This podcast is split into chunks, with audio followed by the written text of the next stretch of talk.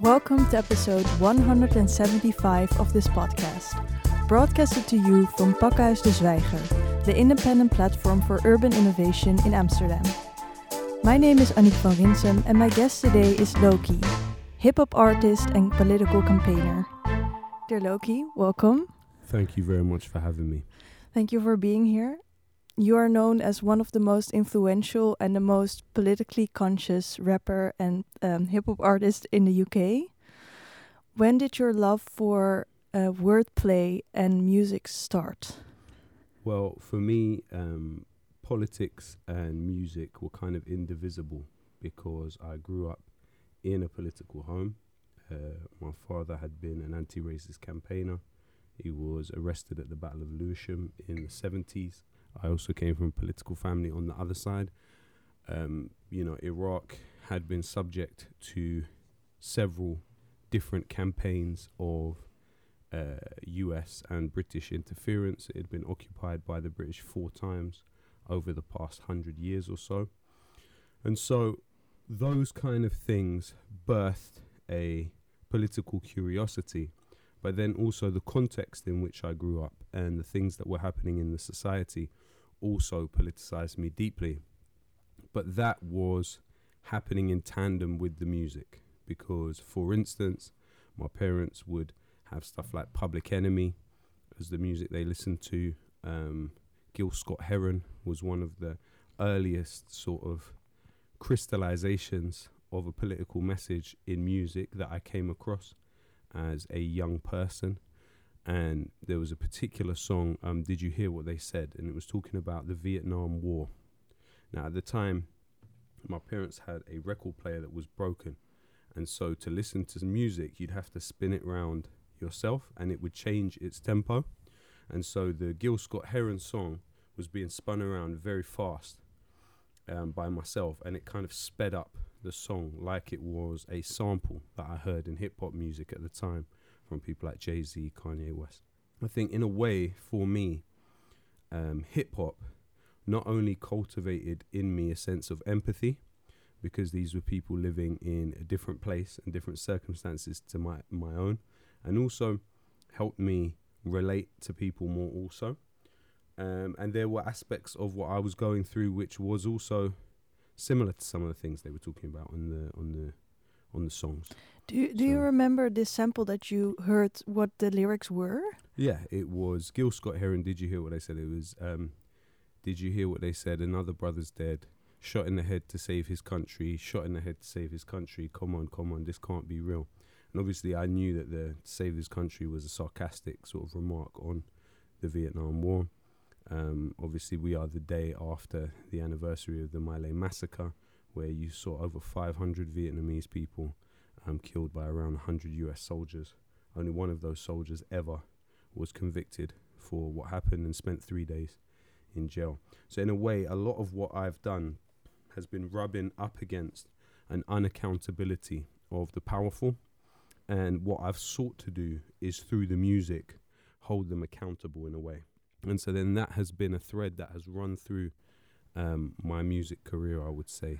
And how do, did you discover that wordplay and telling stories and making truth visible by putting words in a certain way was this power that you could also yield to your your own thinking? Well, I would I would hope so. Um, I was somebody who also listened to somebody like Tupac, who I remember he had a piece called Brenda's Got a Baby, and that particular piece at the time, we'd been asked to recite our favorite poem in school. And so I'd chosen a Tupac song and delivered it. And thankfully, I had a teacher at that point in English who actually encouraged that kind of sort of unorthodox style of engaging with poetry. Mm.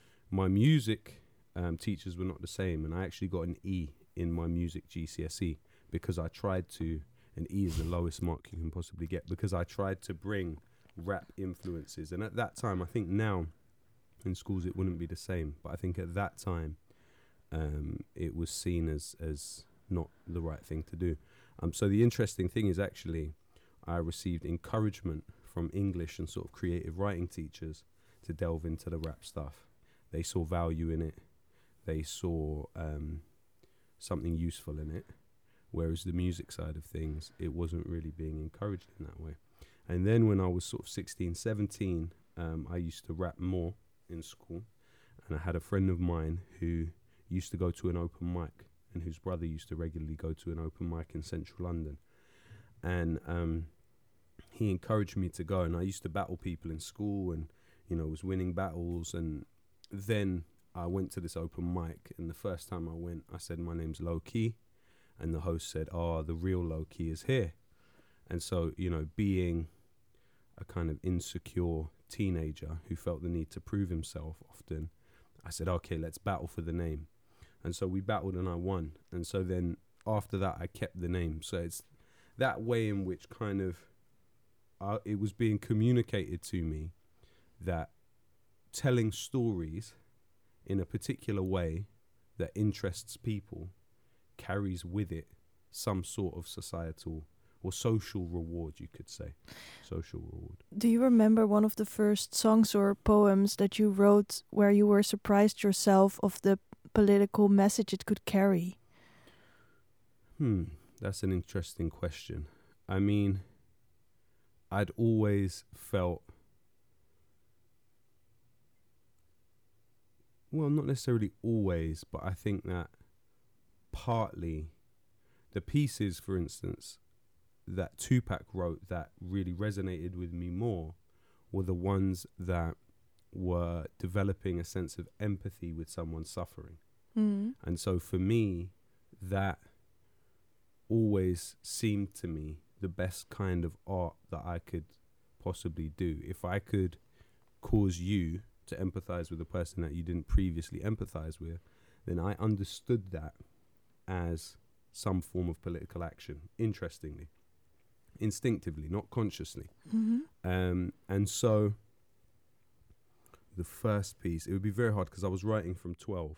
What kind of topics were you d- were you de- dealing with in your writing when you were 12? Well, in the beginning, I was really just sort of imitating what I was hearing um, from US artists, even down to the accent. This was, you know, one of the things about cultural imperialism in Britain.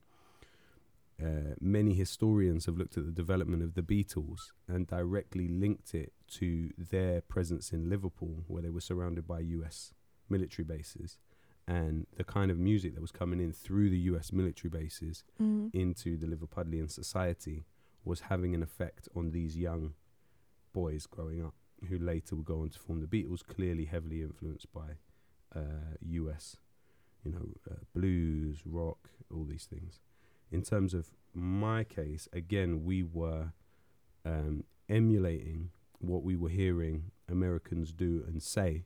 And so, really, at 12 years old, I was sort of rapping in this weird approximation of an American accent, not regionally specific, Mhm. like just, and and those are the kind of um, hybridities that develop around empire, really, because obviously Britain, being um, a country that occupied more parts of the world than any other country in the world previously, within my sort of grandparents' lifetime, it still has a huge amount of military base, around 125 military bases around the world. But within my lifetime, I was born 40 years after the US had settled its military bases in Britain. And so the imperial dynamic obviously had changed from a long time by the time that I came into things. So we were deeply influenced culturally, specific, specifically on the issue of culture. We were deeply influenced by the United States. So, but when you were 12, you maybe didn't already uh, delve into what made you uh, mimic this uh, accent, or no, of course, I, I had no real understanding of why I was doing what I was doing. and what were the topics then? So the topics um, generally were kind of attempts at carbon copying of whatever I was listening to, really. Um, but there would have been content there that now I would understand to be political. There would have been things Yeah. of me looking at a society, looking at disaffected people, and having some type of observation as young and kind of convoluted as it might have been at that time. You know, it would have been fairly incoherent. It's interesting because now as a father, I look at it differently. A 12 year old doing something like that at the time, you almost feel like you're the finished the Version. finished, pro- finished version in a way. Like you think you've arrived at like the eureka moment, but Mm.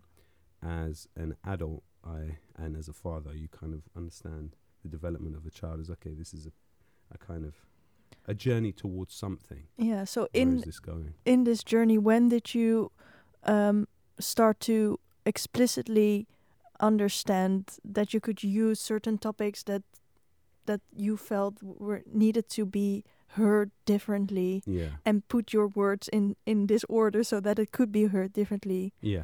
I mean, in terms of having a, an effect politically, um, I think that would have been in 2008, um, which was about around 10 years after I started rapping at 12. So I was, yeah, I was early 20s um, when Long Live Palestine came out because at that time there was this huge support within my community for the Palestinian cause. It had been something that was present present in my family previously. Um, and so when everyone was taken to the streets, my whole community took to the streets, my family took to the streets in 2008 when Operation Cast Lead was uh, being committed in Gaza by the Israeli military. It led to the killing of 1,400 Palestinians. Um, people were deeply upset about it in the area that I grew up in. Um, my song was sort of an attempt to express that sort of yearning for justice that existed. You know, many young people of my age and younger in my community were actually criminalized off the back of those protests. So they were attacked in a tunnel by the police, and many of them were then arrested for the altercation that they got into with the police. And, and really, in terms of political suppression at that time, a common tactic had been to allow people to gather for a protest and then surround them with a line of police, which is what they call kettling, and then keep them there and not allow them to move. And so, what that does is that creates psychologically the need for those people to disperse as soon as they possibly can. Because when people are getting together for a demonstration and feel that they're in control of what they're doing, they'll stay longer and as long as they want. As soon as you surround them with police and then you block them from leaving, Mm. it creates in them the desire to leave as soon as possible. Mm. And so that was, but it also is an escalatory tactic because then skirmishes develop between the people in the kettle and the police. And so that tactic was being used um, against young people who were heavily politicized. And when it came to, you know, situation in Gaza and people dying in, in really horrific ways, the use of white, white phosphorus and all of these very um, difficult scenes that people were watching, it would it would go, it would people would butt heads, and so then the police were able to use that to criminalize really a generation, really a generation of people within my own community were criminalized off the back of the 2008 2009 demonstrations, and it's that energy that created the song "Long Live Palestine," which you know I'm actually proud to say, 15 years later, the Israel lobby is trying everything it, it can to get that song removed from Spotify. And to me, that shows the power of of not only, I guess, that song, but more importantly, that that energy that was there during that time. Of course, we went through a different phase with Corbynism, and the the the lobby was able to pull the Labour Party around in different directions. And again, you know, it's kind of the the slow the slow grind towards criminalization of pro-Palestinian activity in England. Yeah, so you already referred to um, other artists that inspired you because they were able to bring across empathy for really dire situations that you maybe didn't know about before. And I really think that your music does this as well because.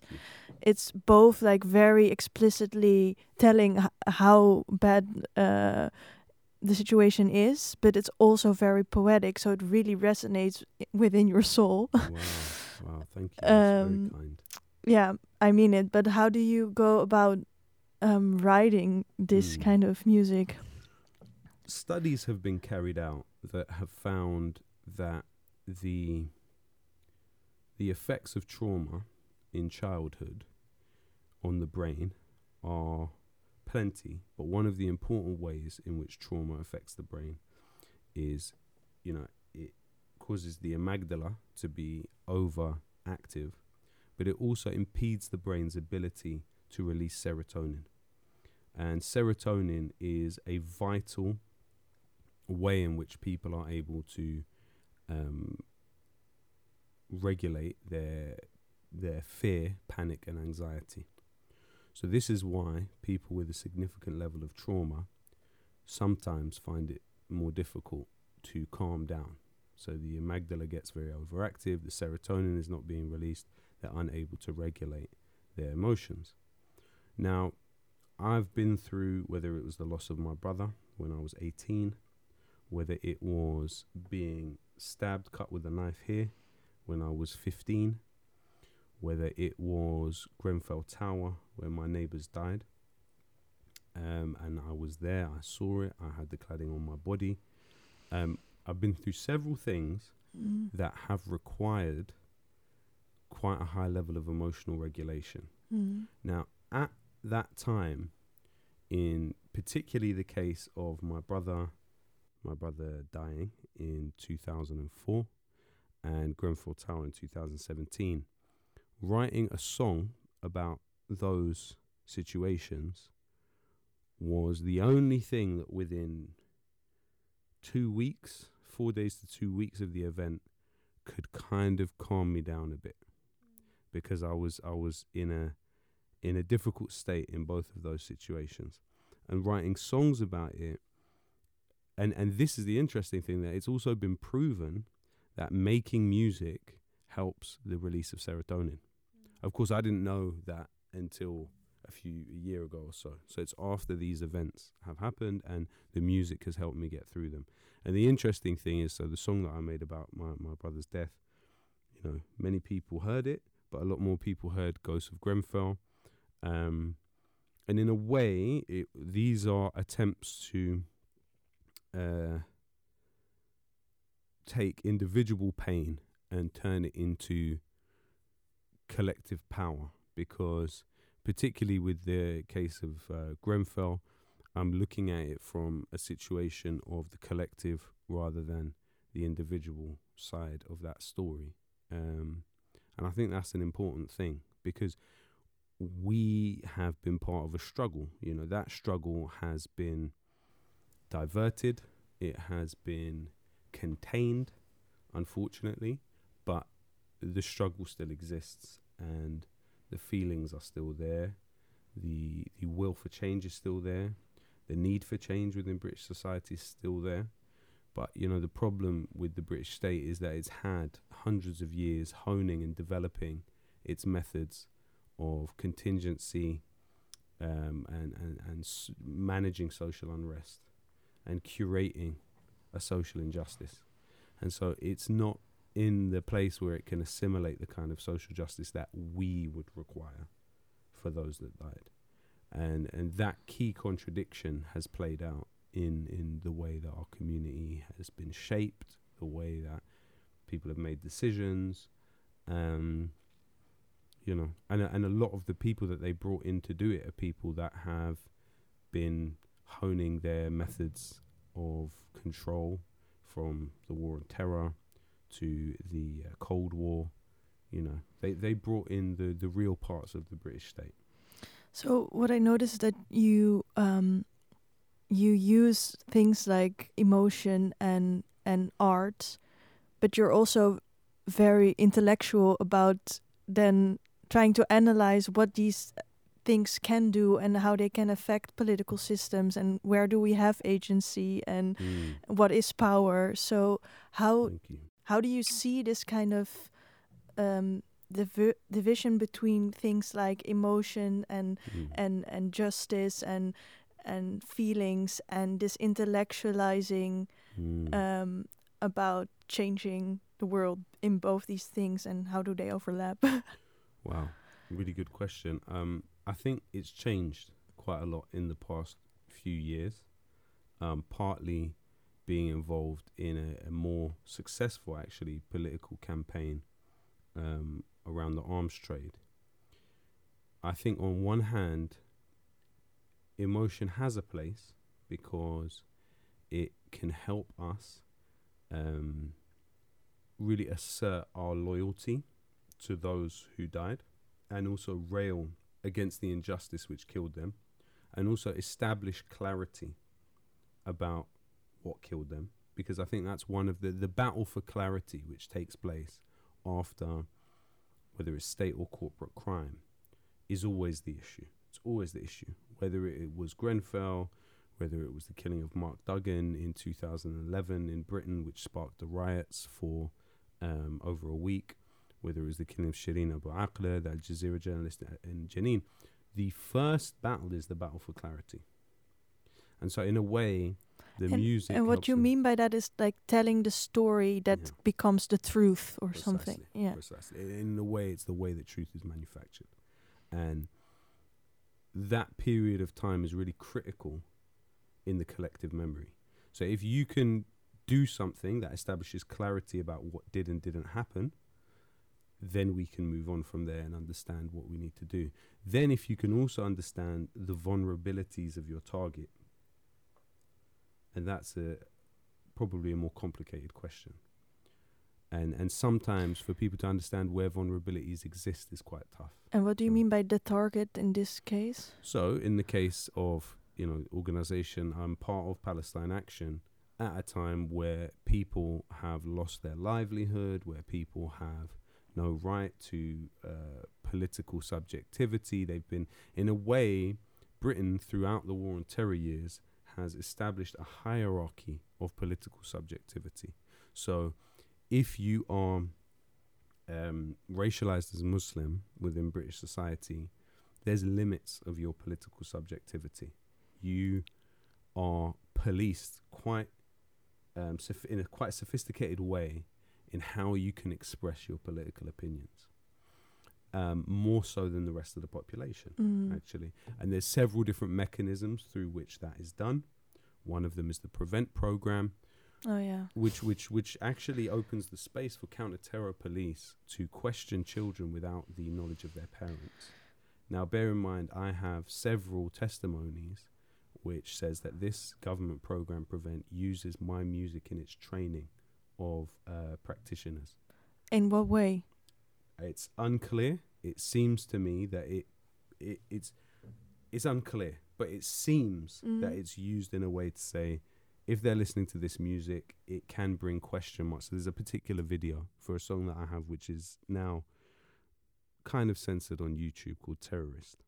Now, my understanding is that the video is shown in the training session, and if a child is listening to this kind of music, it could lead to a um because all all prevent is about is establishing what are the telltale signs of the conveyor belt towards political violence. Mm. Now, bear in mind that, and this is according to the British government statistics, your likelihood in Britain of being near an act of political violence Mhm. is one in 16 million.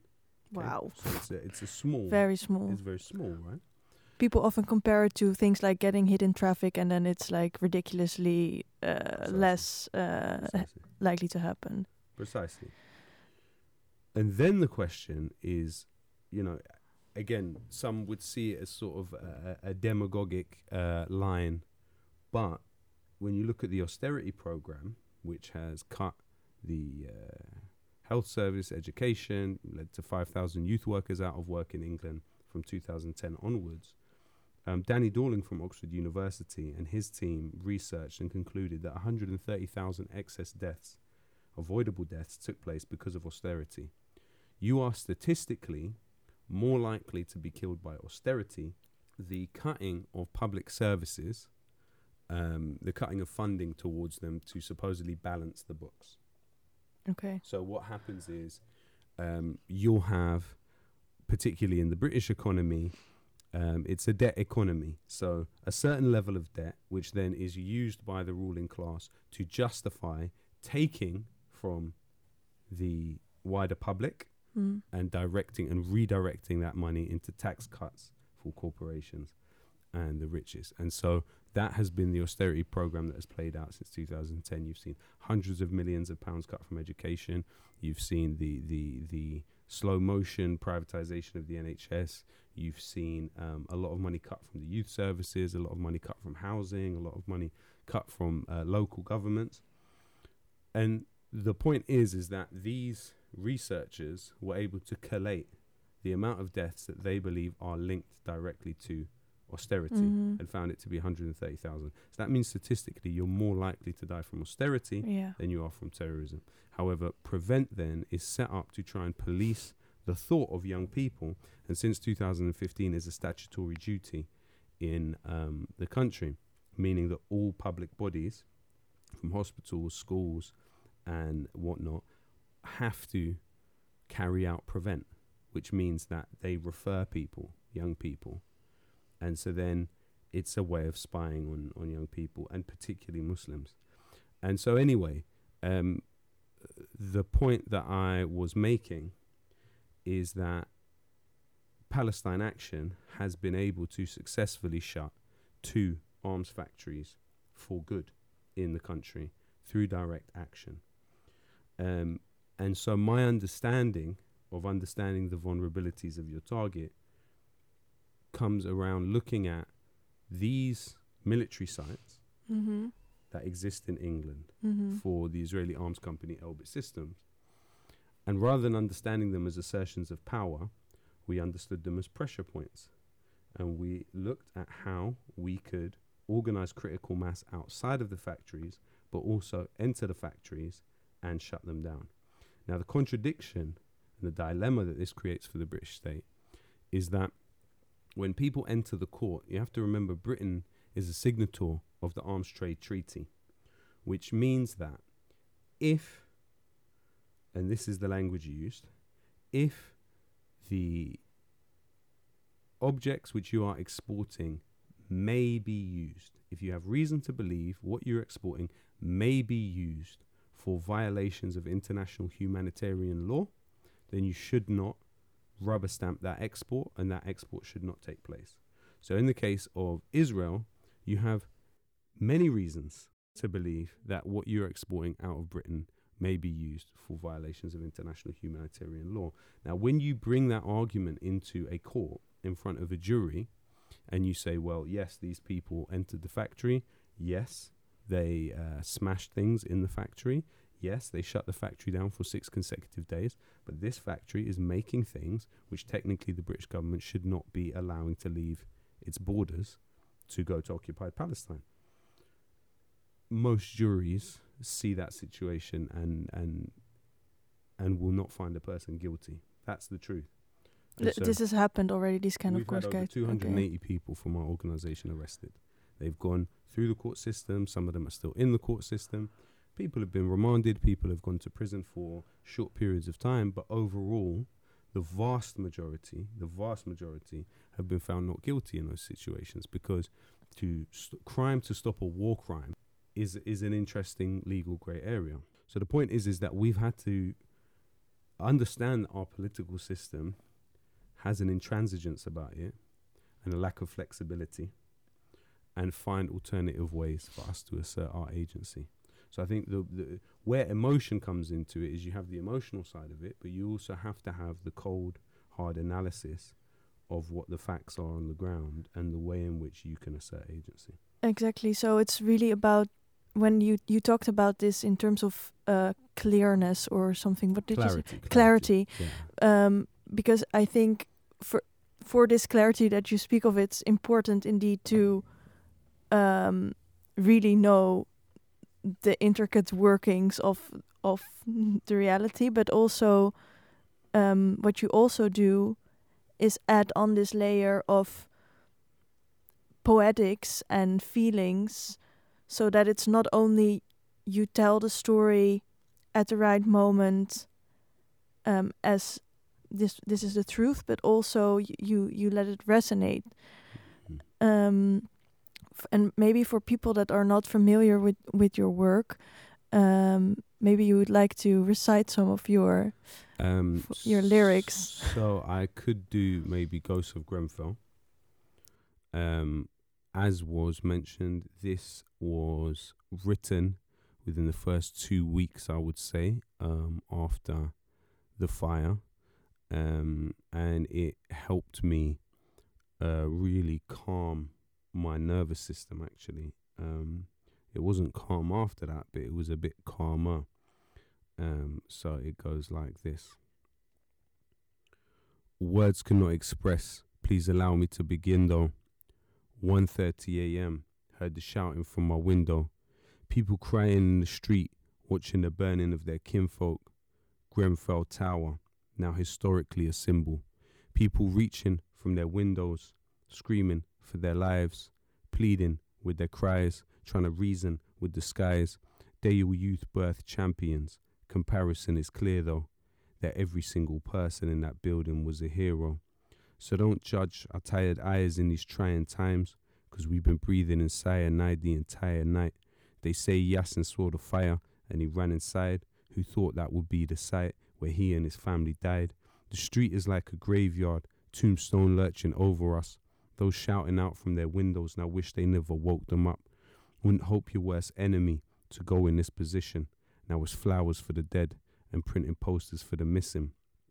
I see trauma in the faces of all those that witness this, innocence in the faces of all those on the missing list. See hopes unfulfilled, ambitions never achieved. No, I'm not the only one that sees the dead in my dreams. Strive for the bravery of Yasin, artistic gift of Khadija. Every person a unique blessing to never be repeated.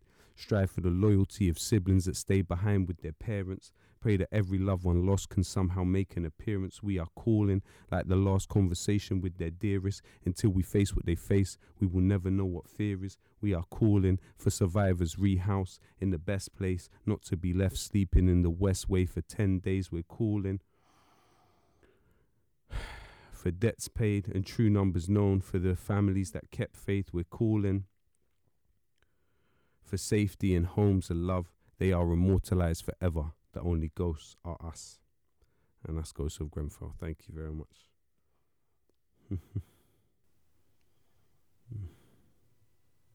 Thank you.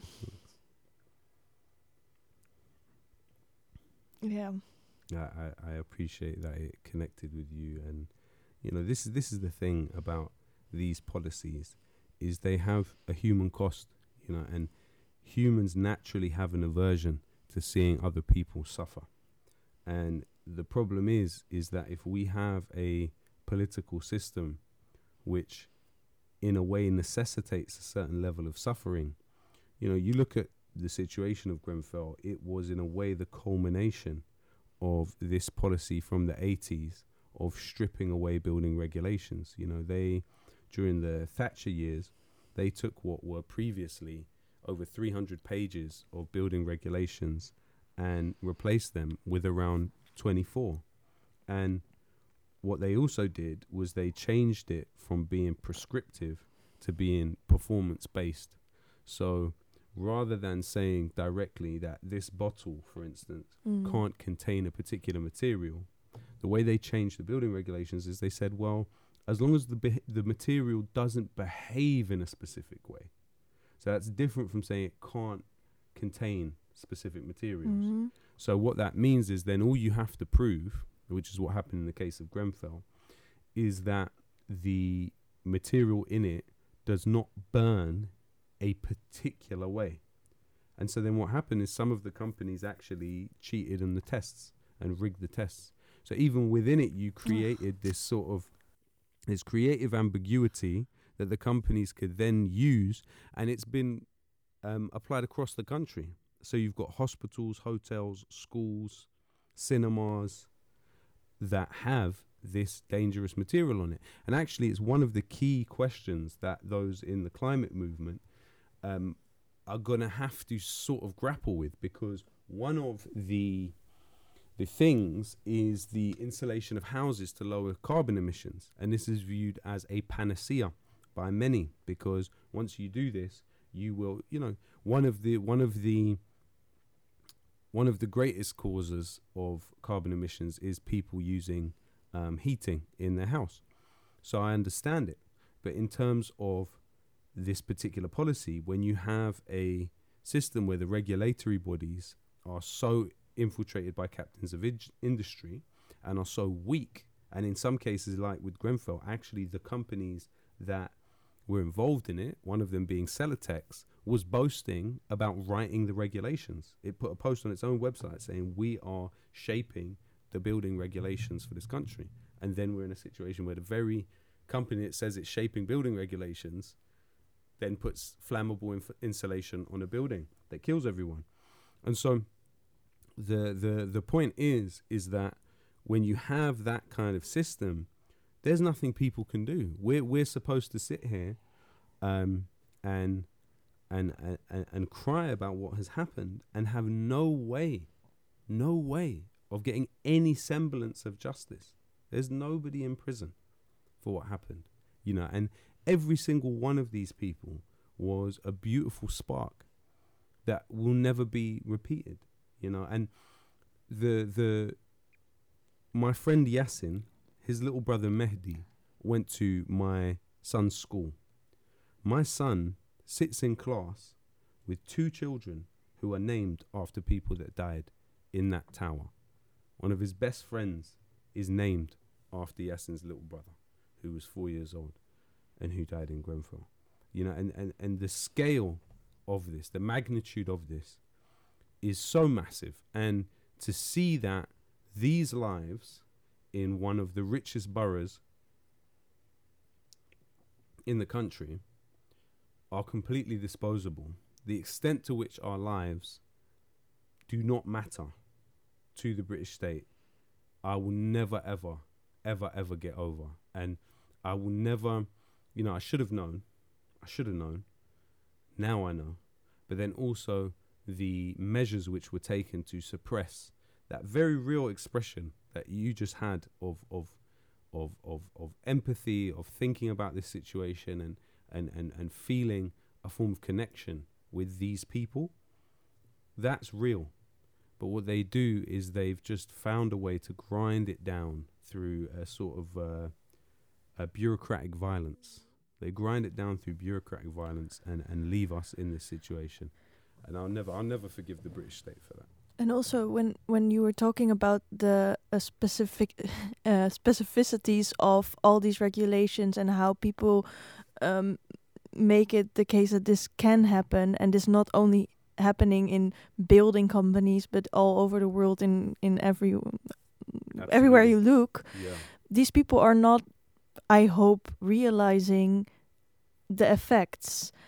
Um, or they're just really evil, but I Mm. I refuse to. Uh, Yeah. I think Hannah Arendt's concept of the banality of evil has a place in this conversation because what she identifies is that, um, and, and I actually make the argument, I reckon, that human history is not defined, you know, contrary to what people say, human history is not defined by war, it's defined by cooperation, no matter how unjust that arrangement is. mm, Because if you look across some of the worst things that have happened to people, through every single part of it, more people cooperated than resisted, more people cooperated than were harmed. yeah. And so then our whole sort of concept of the way power functions, and that's that banality of evil. It's that what you just said, for a person to be doing something that they they don't see as that bad or they don't see as necessarily having the effects it does or they're able to live with themselves. You know, where are the whistleblowers? When it comes to Grenfell, where are the whistleblowers? Where are the people from within those companies that are coming forward and telling us more? Because they're they're few and far between. I also noticed yesterday when you uh, were performing. I think one of the lyrics were something about the phone you are holding now, Mm. which is also like a direct uh, call to your audience. Mhm. Like check yourself also. Well, I mean, I don't want to. I don't want to make that sort of point too too much because Mhm. it's it's we power always has a way of binding people into social arrangements that they may disagree with. Yeah. So also Yeah. like that's exactly what you were saying. Like it's just now. It's about this collective working together. Mm. Um, but but but it, and and it's also the, Mm. the nature of of power, the nature of industry, um, and how it how it kind of um, necessitates a certain spectatorship of suffering, but then also it also necessitates a blurring of the lines of of uh, of connection. So we, you know, can you imagine if the mining of coltan by children was treated as a humanitarian disaster rather than a necessity of industry? Because when I'm talking about the the, the phones, it's th- the components for the phones are often being extracted from the ground, or the material for the components are extracted from the ground by children, and there's all types of risks of cancer. It's not a seriously regulated industry, and often corporations get around any type of restrictions that may be upon them through outsourcing. Yeah. And so, understanding that really the basis of our economy is the chains of production have all types of uh, what could be seen as humanitarian crises within them, but they're not understood in that way. You know, because if that was to be the case, then you'd have to rethink the entire, you know, and particularly data is the biggest industry now. And the number one way in which that data is mined from us is through these machines, it's through our computers and our phones. And so you've got several industries which are based upon needing that little child to Yeah. go into the ground, risk their life, and possibly get cancer later on in their life and dig this stuff out. And so, what's going to weigh heavier on the conscience of humanity? That those massive industries, like the data accumulation, and I think the most disingenuous thing about the data thing is that is not really that's a major. We don't have um, digital sovereignty. We don't have privacy. Privacy does not exist. If a person wants to and knows how to, they can purchase the information on your phone off the internet. Mhm. Which is an whole another topic than the injustice uh, you were just talking about. Yeah. And also, I mean, that's changed the music industry because you got to remember when I started in, in uh, 2003 at the age of 17, I would make CDs and sell them at the open mic. So created a very small little industry. Go do shows, sell the CDs. Then 2010, we're selling music on iTunes. So people are paying for an MP3. So there's no data swapping hands at that point. Now on Spotify, Spotify is primarily a data mining app, meaning that it's extracting information from your phone. Because of me, I'm the I'm the conduit for Spotify buying your information and selling it to corporations who then advertise to you. So it's good that um, Israel's trying to get your music off of Spotify. Well, but, but but I mean, but uh, think about that for a change in the transactional aspect of music. We've gone from being you buying my music to me selling your information. That's a major shift. It's a Mhm. major shift, but it's not dealt with as part of the story of the music industry. Yeah, so because um how do you relate to the music industry because you are a part of it but you also see a lot that's wrong with it. So how you're how do you navigate that? I mean, I've been very lucky, very, very lucky, very fortunate to have been at a particular period of time in the development of the internet. So if you look at 2008, 2009, 2010, 2011, 2012, these were the periods where most of what I do now is based off the work in those four years because I was able at a time where the algorithms on Facebook and the algorithms on YouTube were far less regulated by you know, uh, far less politically and ideologically regulated, which is Mhm. what they are now. So you had, for example, at Google something called Project Owl, which sought to decrease people's interaction with what they called um, less less reliable news sources. Mm-hmm. Now, those le- those things that were designated as less reliable were anti-war leftist news sources, and so their traffic, so the amount of people that clicked on their stuff, decreased Mm. by seventy-five percent in some cases. So I certainly would have sort of been included in that. But during the sort of golden age of Facebook and of YouTube, I was able to reach millions of people. And so off the back of that period, short period of time where I was able to reach millions of people, I've been able to have some form of a music career. And so I've been able to carve out this space where I've been able to make a living, been able to continue speaking to people, been able to continue to make music. And that's a blessing for sure. That's a blessing. Speaking out explicitly about politics also sometimes creates backlashes. Yeah. Um, can you tell about the backlashes you have uh, We'd need gone another through? few hours. We'd need another few hours. But um, you know, I've had uh, newspapers print terrible headlines. Um, I've had. like what?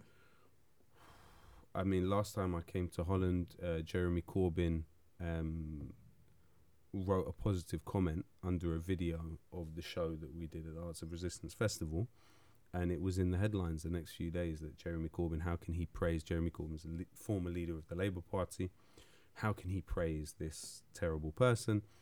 Um, I mean, genuinely, I think a book could be written about the levels of suppression that I've faced um, from stops under Schedule 7 Terrorism Act, um, you know, in which is actually worse than being arrested, being stopped under Schedule 7 terrorism because, Because what it, does it entail? so it entails you can be detained for up to nine hours. It's illegal not to answer a question that you're asked. Whereas when you're actually arrested, um, you can give a no comment interview. Whereas when you're stopped on Schedule 7, you have to answer every single question. Um, you also uh, have to give access to all electronic equipment that you have. Um, and yeah, th- th- those are some of the uh, things. So I've gone through that. And what's the worst part about? Is that the psychological part of of going through something like You that? feel or unsafe. You know, that's that's the key. That's the key. I mean, also, I was young when a lot of these things were happening. You know, I went through being arrested during the student movement in 2010. Um, you know, and during that period, m- my face was put out as a wanted person in England in the news. really, yeah. hmm you were wanted for what? So I had a friend who, um, Jody McIntyre, a political journalist, um, who also happens to have cerebral palsy, um, and so is in a wheelchair. Um, does brilliant work, fantastic work, uh, important thinker, especially during that time. He's less active now, but he was actually assaulted by the police on that day, and it was captured on camera. He was uh, beaten with a truncheon, and in the aftermath of that, um, an altercation between myself and the police ensued. Now, following that, I returned home, and then within two days, uh, my face was wanted on the news, on headline news. It was part of the suppression of the student movement because at that time, you had during the Blair years the establishment of uh, tuition fees because the generation. So, my dad, for instance, was the first person in his family that has ever gone to university. Um, and when he did it, the state supported him to do it, as it did everyone, right? Because there was a key understanding of how you develop a society. You want an energized and educated workforce, right?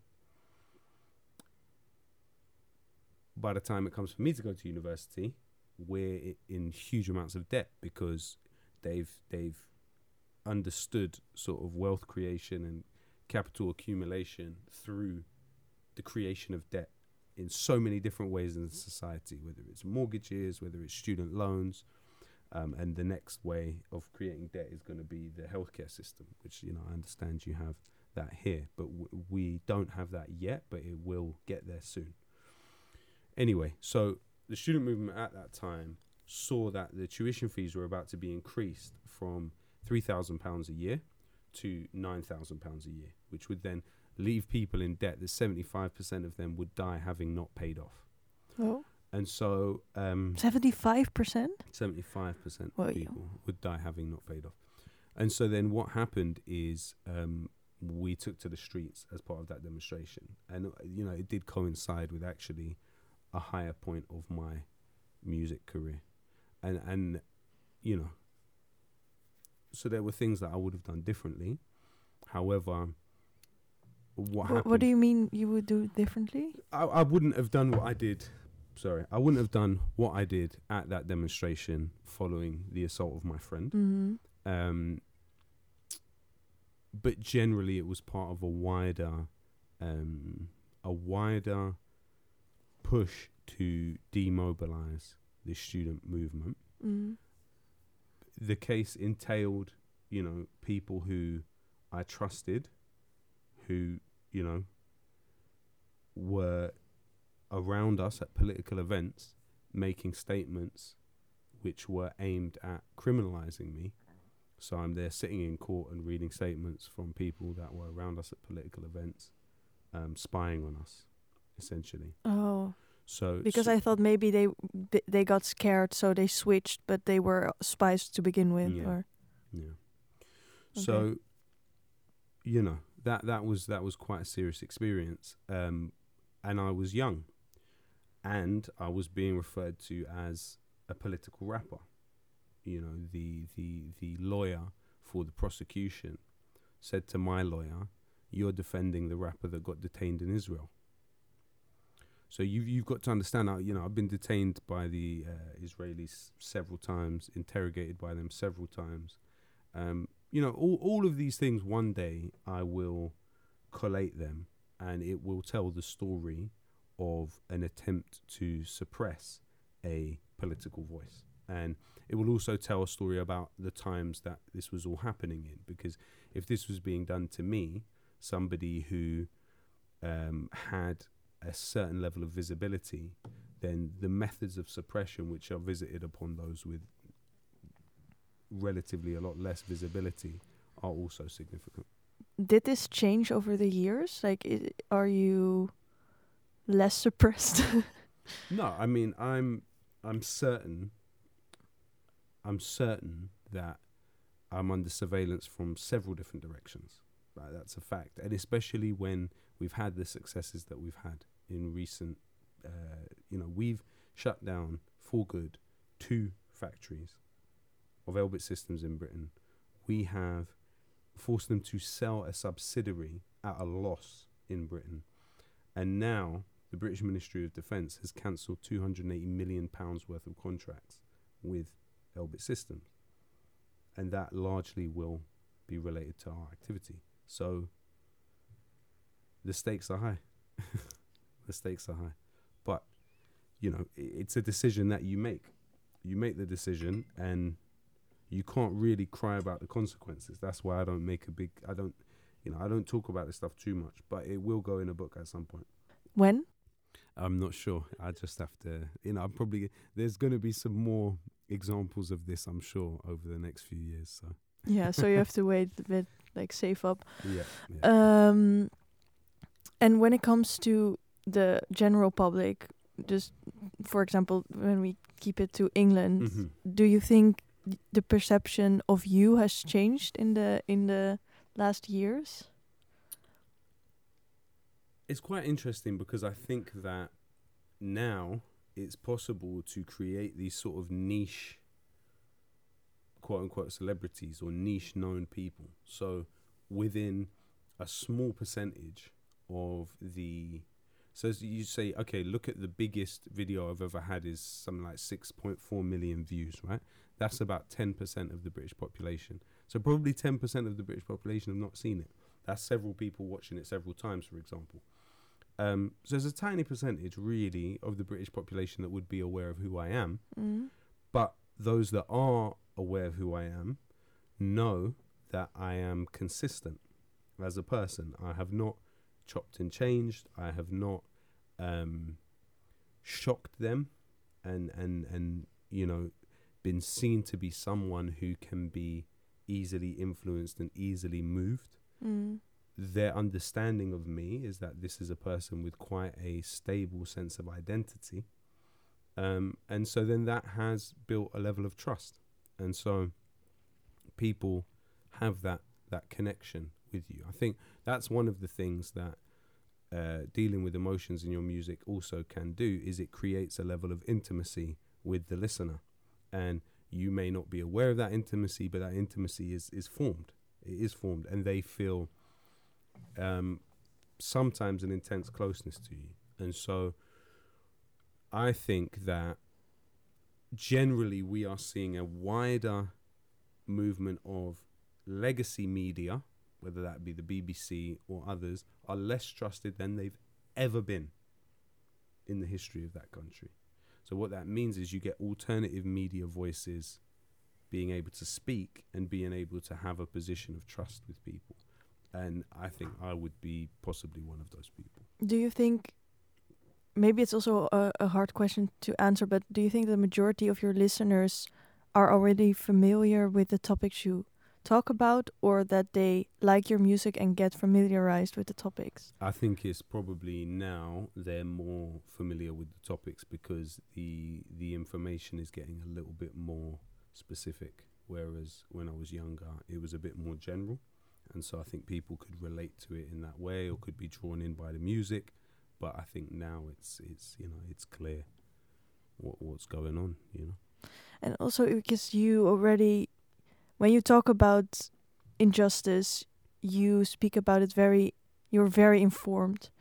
Um, but you. how do you navigate knowing that you meaningfully understand how injustice operates? Because it's also very easy to have blind spots even if you are very very well informed how do you navigate this I, I mean I think also being dedicated to specific campaigns and understanding that you know this is where I'm going to put my energy is also you know the quest is not for um, personal perfection. It's not you know and and Gary Younge has a really amazing um, uh, phrase where he said.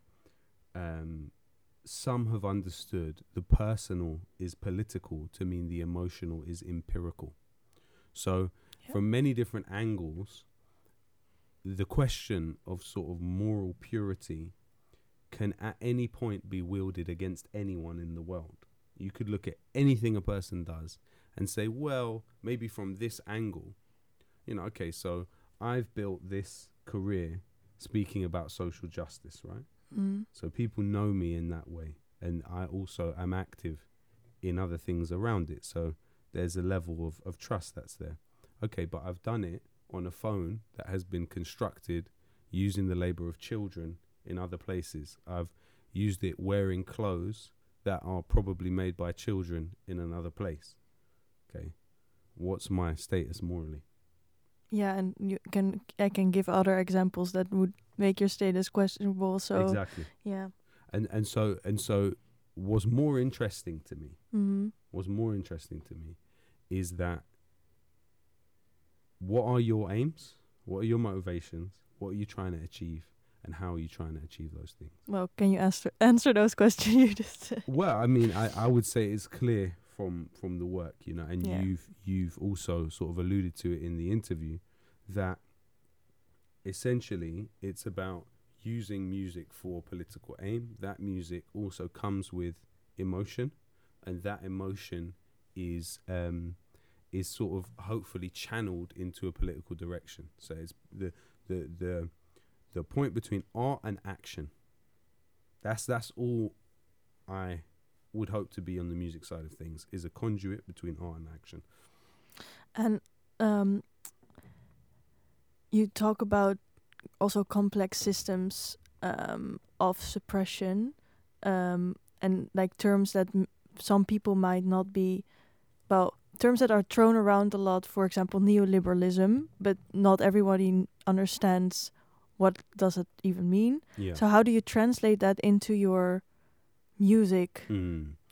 So I mean, for people to understand, neoliberalism in theory is different from neoliberalism in practice. Neoliberalism in theory is the idea of the free market that nobody is too big to fail, that there is an equality of competition. So if both me and you are selling potatoes, if your potatoes are better than mine, that will be reflected in the market and you will have a better outcome than me, right? Mm. Okay.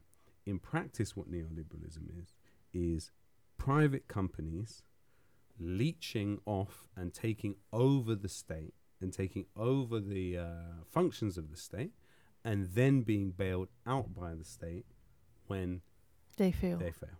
And so, um, it's uh, a- another way of putting it is neoliberalism is the invisible hand of the market wrapped in the iron glove of the state. But it's probably not really the invisible hand of the market because the invisible hand of the market is what we were talking about before. In that, if you if you are providing goods which people don't like, then it will be reflected in your outcomes.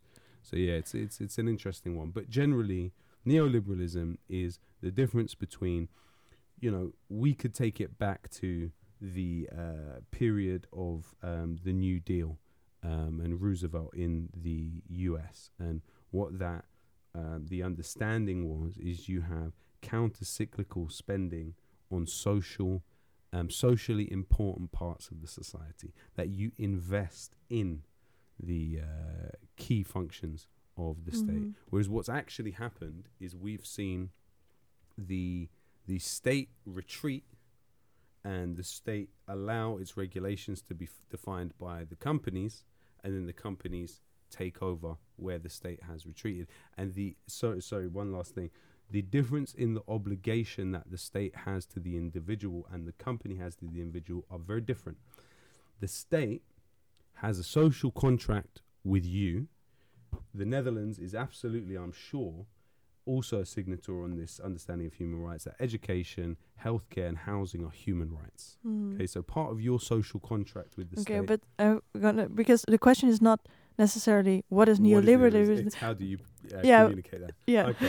so so um so just before I, I, I finish Yeah. so the, the the corporation doesn't have that same obligation the state should have the obligation as part of its social contract to take care of you in these particular ways in terms of how you sort of communicate that in a song i would say the death of neoliberalism um, makes an attempt to do it but i think at that time i was reading more than i do now and i Mm. was um, the language i used wasn't very um, widely known. known or uh, socially, you know, the the community I come from, I, I wouldn't say the majority of people would necessarily look at those lyrics and say, I get exactly what that means. They might understand it. They'd understand it overall, but I just think majority may not say, okay, I get exactly what he's talking about. So there's also, you have to find the happy medium between being as widely understood as you can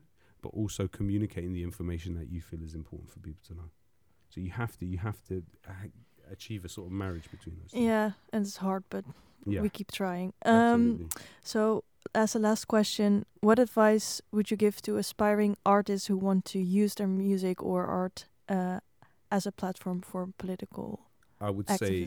I would say get a stable job.